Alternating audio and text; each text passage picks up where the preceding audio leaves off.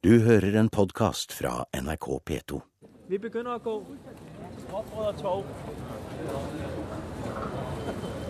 Det er Fondet for dansk-norsk samarbeid som inviterer til en tur rundt i imperiehovedstaden, som ett av mange arrangementer for å markere at det snart er 200 år siden 1814.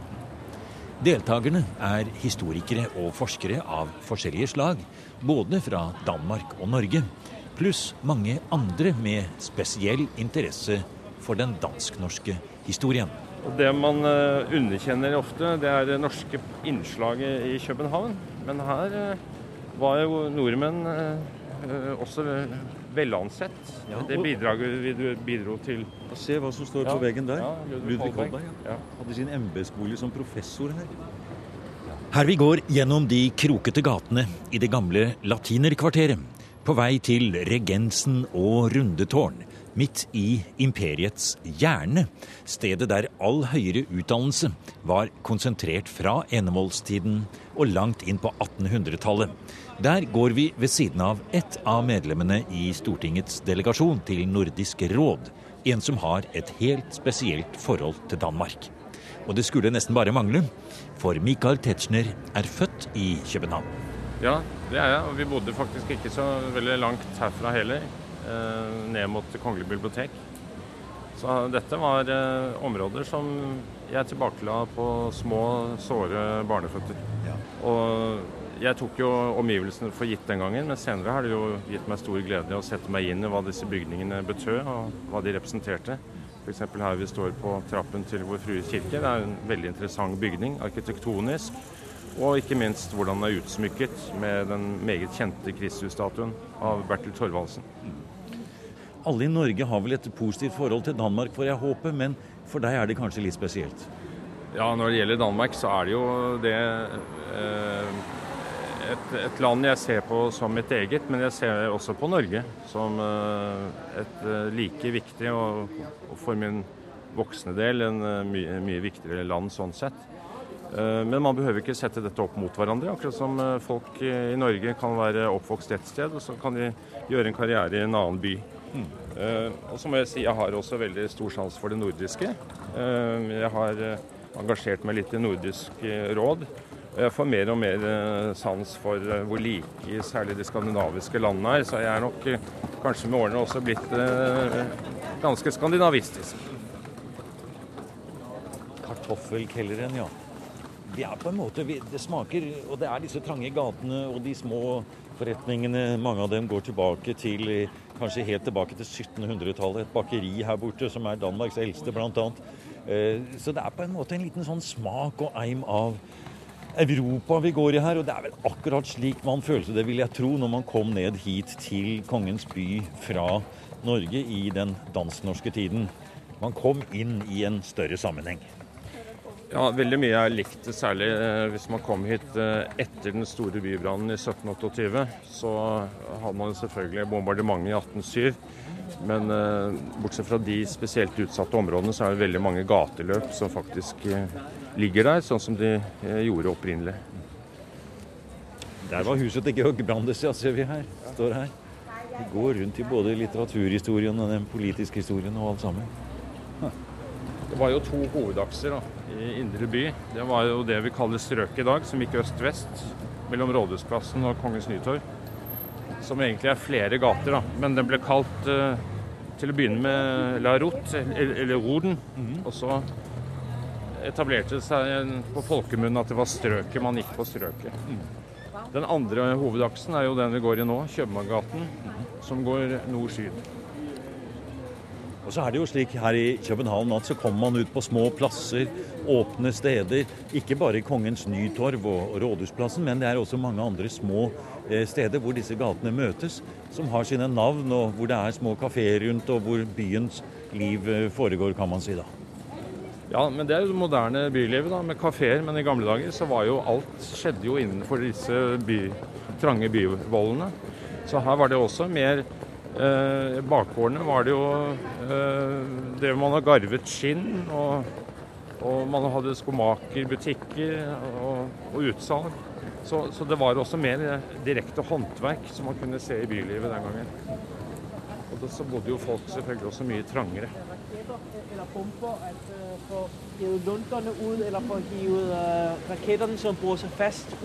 Her har hele følget kommet ned til Rundetårn, et opprinnelig stjerneobservatorium bygget på Kristian den 4.s tid.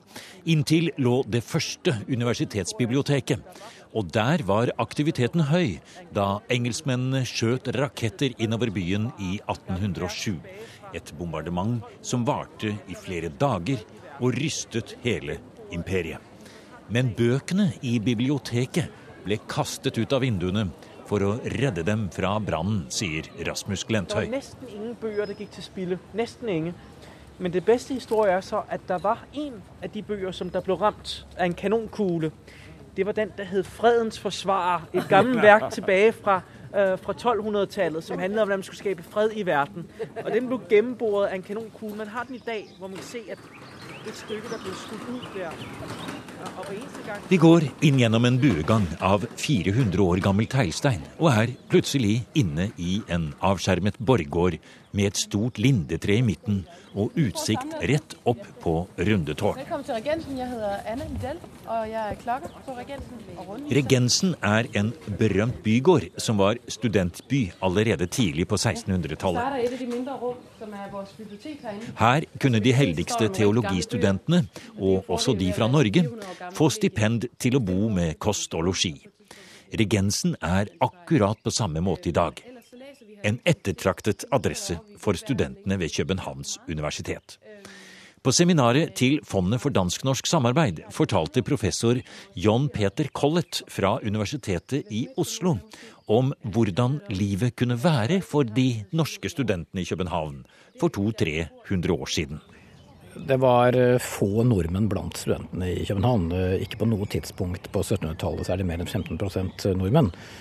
Eh, og altså, Norge hadde omtrent tilsvarende stor befolkning som, som Danmark eller danske hovedland.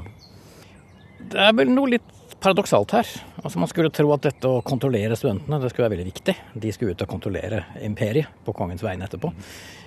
Det vi har inntrykk av, er jo at studentene levde svært fritt. Det er mange som klager over at uh, de pengene de fikk med seg hjemmefra, de ble fort brukt opp på ting som slett ikke eh, bygget opp under noen, eh, noen heldig livsførsel. Det sies mye om at de fikk ødelagt sin helse, de fikk dårlige vaner. De spilte bort foreldrenes penger, de drakk, og det var litt forskjellige andre ting som, som trakk i København, og som man kunne bruke penger på. Høres jo nesten litt ut som en beskrivelse av studentlivet i dag, kanskje. Men var det sant, det du sier nå? Det kan vi ikke si med sikkerhet. Dette er jo ikke mulig å ha noen statistikk på. Men vi vet at uh, dette er en av grunnene til at uh, det i Norge blir argumentert for at vi må ha et universitet hjemme hos oss. Det er for farlig å sende unge, ubefestede menn til København. Det er en uh, syndens og lastens hovedstad, i tillegg til å være kongens hovedstad. Og det gjentas så ofte at det for datidens folk altså Nå snakker vi om altså skikkelig, ordentlig embetsmannsfamilie på 1700-tallet, så må dette ha vært en bekymring. Ja. En av grunnene til at det tok så lang tid før Universitetet i Oslo ble opprettet, sier professor Collett, var at enevoldskongene og det dansk-norske imperiets maktapparat baserte seg på en høy grad av kontroll på alle samfunnets områder. Eh, det var eh, et eh, maktmonopol, kan man si. Altså at eneveldet fra 1660 er sterkt sentralisert til København. Det skulle ikke være sånne alternative maktsentra i noe sted av dette riket. Så er det et handelsmonopol, altså et økonomisk monopol, altså hvor Københavns handels, handelskompanier hadde monopol på lønnsom handel utover Europa. Og også mot Grønland og mot Finnmark. Og det var et, et eh, københavnsk bankmonopol. Og det tredje monopolet som vi er opptatt av her, eh, er dette monopolet på utdannelse. Altså at alle som skulle hatt, gjøre tjeneste i kirken, skulle ha presteutdannelse fra København. Det var bestemt etter reformasjonen i løpet av 1600-tallet. Og på 1700-tallet så kommer det også slik at alle som skal ha et juridisk embete, må ha en juridisk eksamen fra Københavns universitet. Altså, skulle kongen kontrollere sitt rike, Og er en, dette er en fase hvor kongen bygger ut kontrollapparatet. Dette er et sentralisert, gjennomkontrollert eh, rike. Eh, og skulle, man, skulle, dette gjennomføres, så måtte man ha statstjenere der ute. Altså i de forskjellige delene av dette imperiet. Som hadde lært seg til å, å, å være lojale mot kongen. Og som, hadde, og som hadde vent seg til en slags tenkemåte som gjorde at dette fungerte likt. Det var begrenset hva som kunne følges opp av daglig kontroll. Det var langt til de enkelte prestegjeldene i Norge.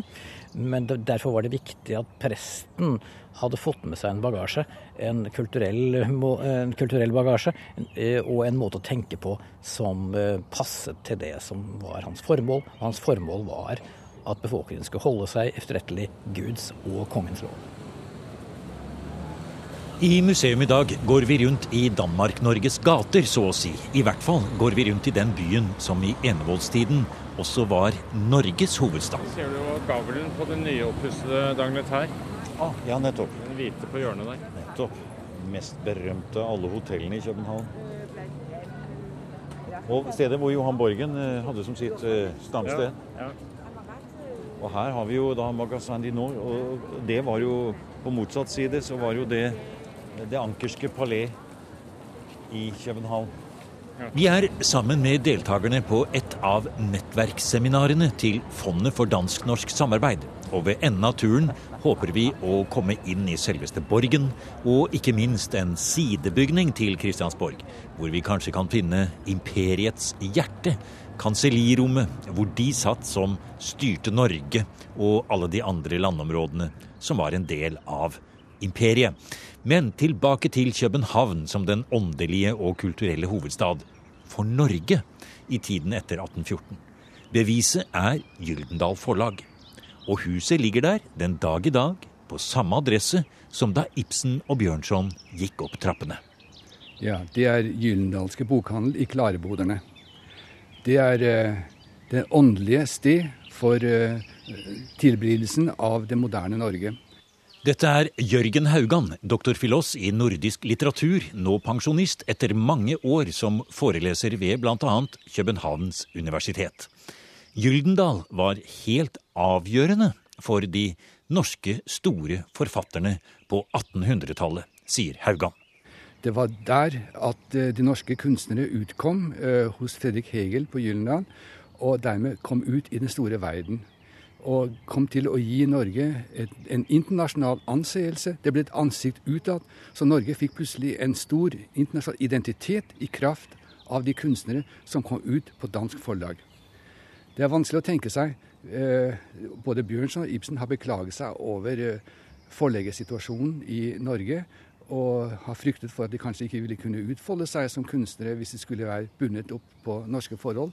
Så Gyldendal og Danmark har faktisk vært en redning for dem, og også en redning for Norge, som dermed fikk altså et åndelig løft som de ellers ikke ville ha fått. Det, det er klart det kom en, en, en stadig mer norsk mobilisering eh, i slutten av 1800-tallet om å få norske bøker på norske forlag. Og William Nygaard på Aschehoug var jo ikke, ikke i spissen der. og eh, Han ble også kontaktet av eh, av Dansk Gyldendal i 1905, hvor Norge ble selvstendig, og fikk tilbud. Du kan få kjøpe alle disse her forfatterne hjem hvis du vil.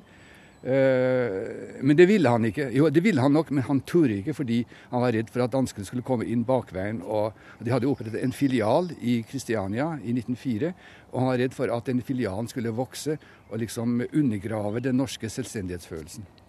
Men er det ikke da rart at navn som Ivar Aasen Asbjørnsen og Moe, at de da ikke kommer ut på dette nye norske forlaget Aschehoug. Og selv Ivar Aasen, han skal altså ut på det danske forlaget Gyldendal. Ja, Det er helt paradoksalt. Altså, og det skapte også strid, især da Asbjørnsen sa at ja, jeg er vel ute på Dansk Gyldendal med, med, norske folkeeventyr. Så sa de nordmenn ja, men norske folk, det er det norskeste vi har, det skal utkomme i Norge, ikke Danmark. Ja, men så sa Asbjørnsen ja, men Danmark, det er det de som har de har åndsliv, de har kulturen. Der er, er publikum. Der kan jeg solgt mine bøker. I Norge er, har jeg ingen muligheter. Og Ivar Aasen, det er enda merkeligere. Nynorskens far han burde utkomme på et nynorsk forlag eller et norsk forlag. Han kom ut på Jylland. Han vil insistere. 'Jeg vil ut på Dans Jylland'. Han vil ha sitt publikum. Han, han ville være en del av imperiet? Ja, det vil være en del av imperiet. Riktig. ja. Når du skal vise frem det som jeg nær sagt hadde sagt er eh, ditt Københavns fineste steder, Tetzschner, hva, hva er det for deg? Ja, sånn Rent personlig så trives jeg veldig godt i den gaten vi går i nå, nemlig Fjolsredet. Mm. Fordi her finner vi eh, en rekke veldig morsomme, interessante antikvariater, hvor man kan faktisk gjøre en del eh, småfunn. Eh, det er en del boksamlinger som blir gitt over fra dødsbord, norsk-danske familier. Og så vet man ikke alltid det i Danmark og setter pris på norske førsteutgaver av kjente norske forfattere. Så her eh, mener jeg også at uh, norske bokormer kan uh, gjøre mange fine kupp her. Paludan f.eks. vil jeg anbefale. Og her borte har vi jo den berømte tehandelen. Perks tehandel. Den må jeg anbefale alle som er i København. Fordi den har altså da beholdt sitt opprinnelige interiør. Nettopp. Jeg kan jo gå bort og se på den. Ja. fordi...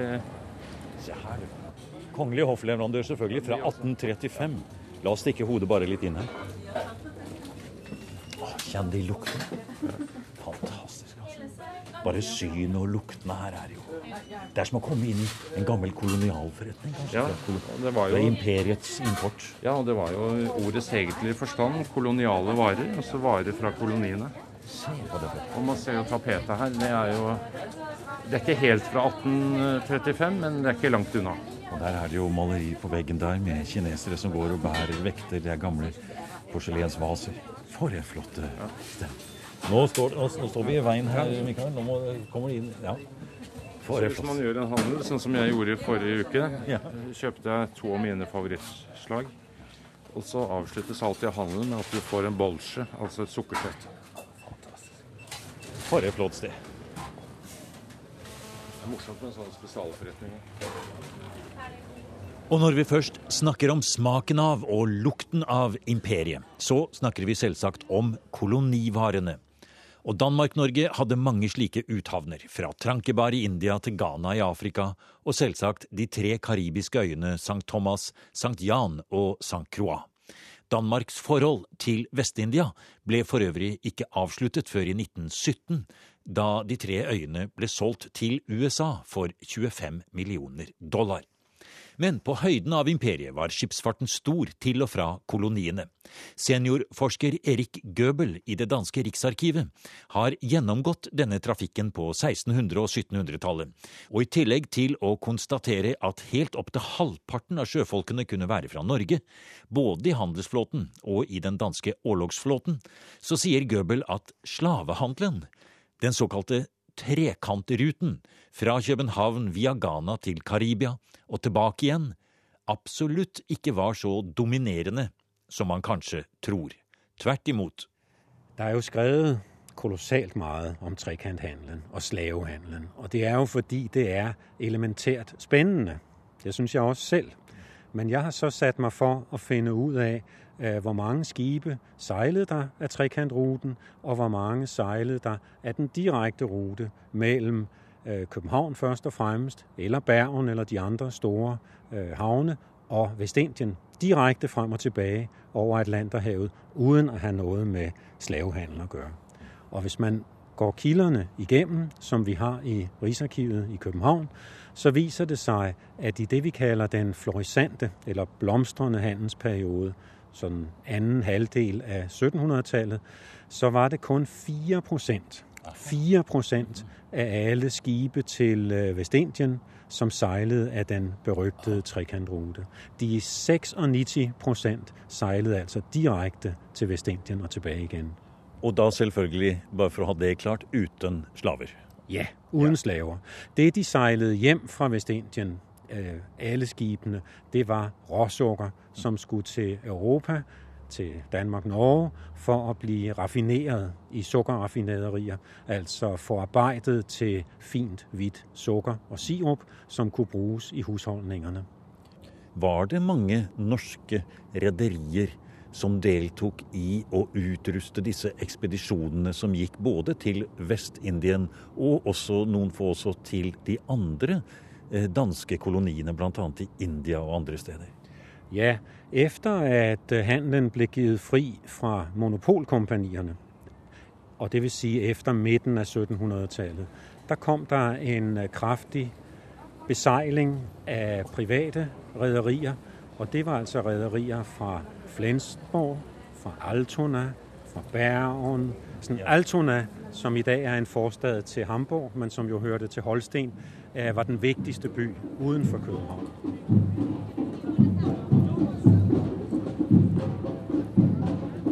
Hvis man går tæt på den røde bygning der, så kan man se kongens omfattende våbenskjold med alle de forskellige symboler, også den norske løve og de slesvigske løver osv.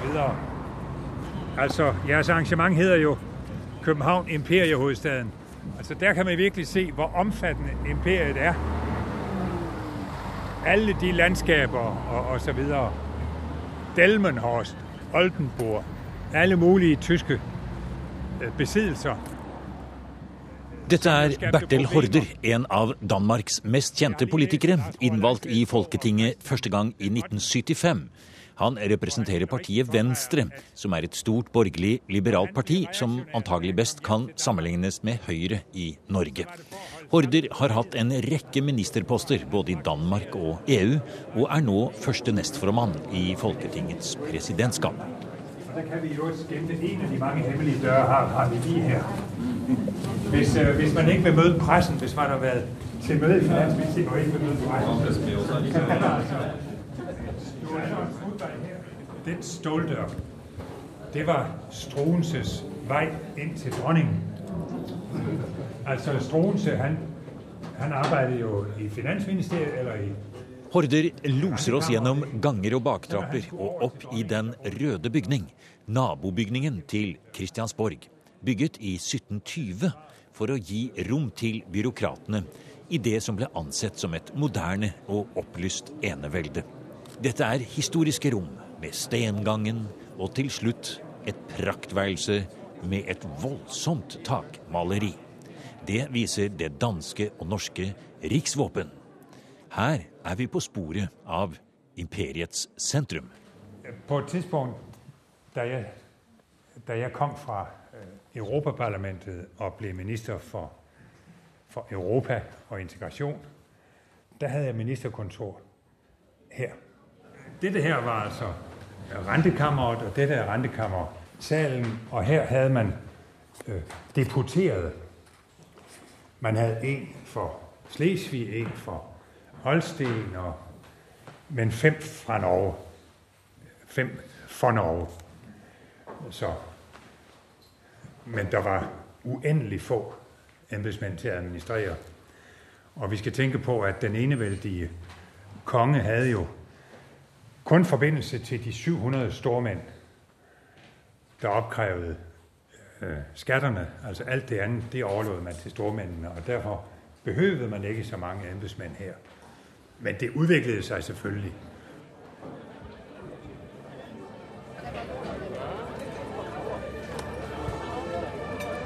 Og fra selve episenteret i helstaten Danmark-Norge, imperiets viktigste rom, rentekammeret i den røde bygning, avslutter vi ute i mylderet i Nyhavn. Med fulle nordmenn på alle kanter og sommerstemning, røde pølser, snaps og øl og en vandrehistorie. Det heter seg nemlig at Københavns fineste og bredeste gate, som i dag heter Bredegate, og som går fra Nyhavn og opp forbi Dronningens slott, og for øvrig Det gule palé, der Maud og prins Carl bodde.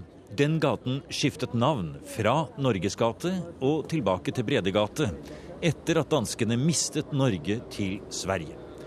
Man ville ikke bli minnet på det smertelige tapet, heter det. Men det er nok ikke sånn det henger sammen, sier historiker Rasmus Glentøy. Altså, dette er ikke en historie om et traume, dette er en historie omkring Københavns konservatisme. Aha.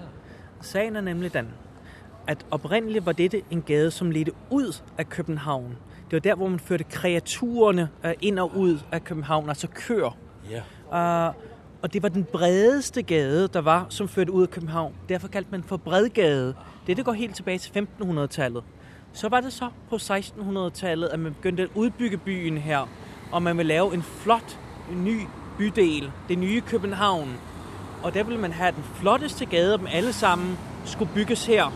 Så man omdøbte gaden fra Bredgade til Norgesgade og byggede alle de største og flotteste palæer i hele København her. Men sagen var, københavnerne er i dag og dengang utrolig konservative, når det gælder deres by. De stemmer rødt, men når det er byen, så er de konservative. Det ville de ikke finde sig i, så de blev ved med at kalde den for Bredgade, og det gjorde de i 200 år. Selv om gaten var omdøpt til Norgesgate, så het den Bredegate på folkemunne. Ja.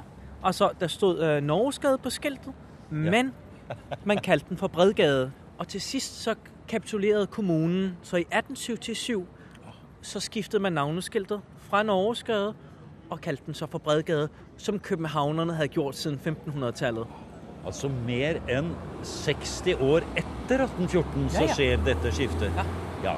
Så da kan vi kanskje si, Rasmus, at herved er det bevist at den historien om Bredegate og Norgesgate, den, den stemmer ikke. Den er præcis lige så fejl som historien om, at man drak den danske udenrigsminister fuld af to, øh, olien eller fra Danmark.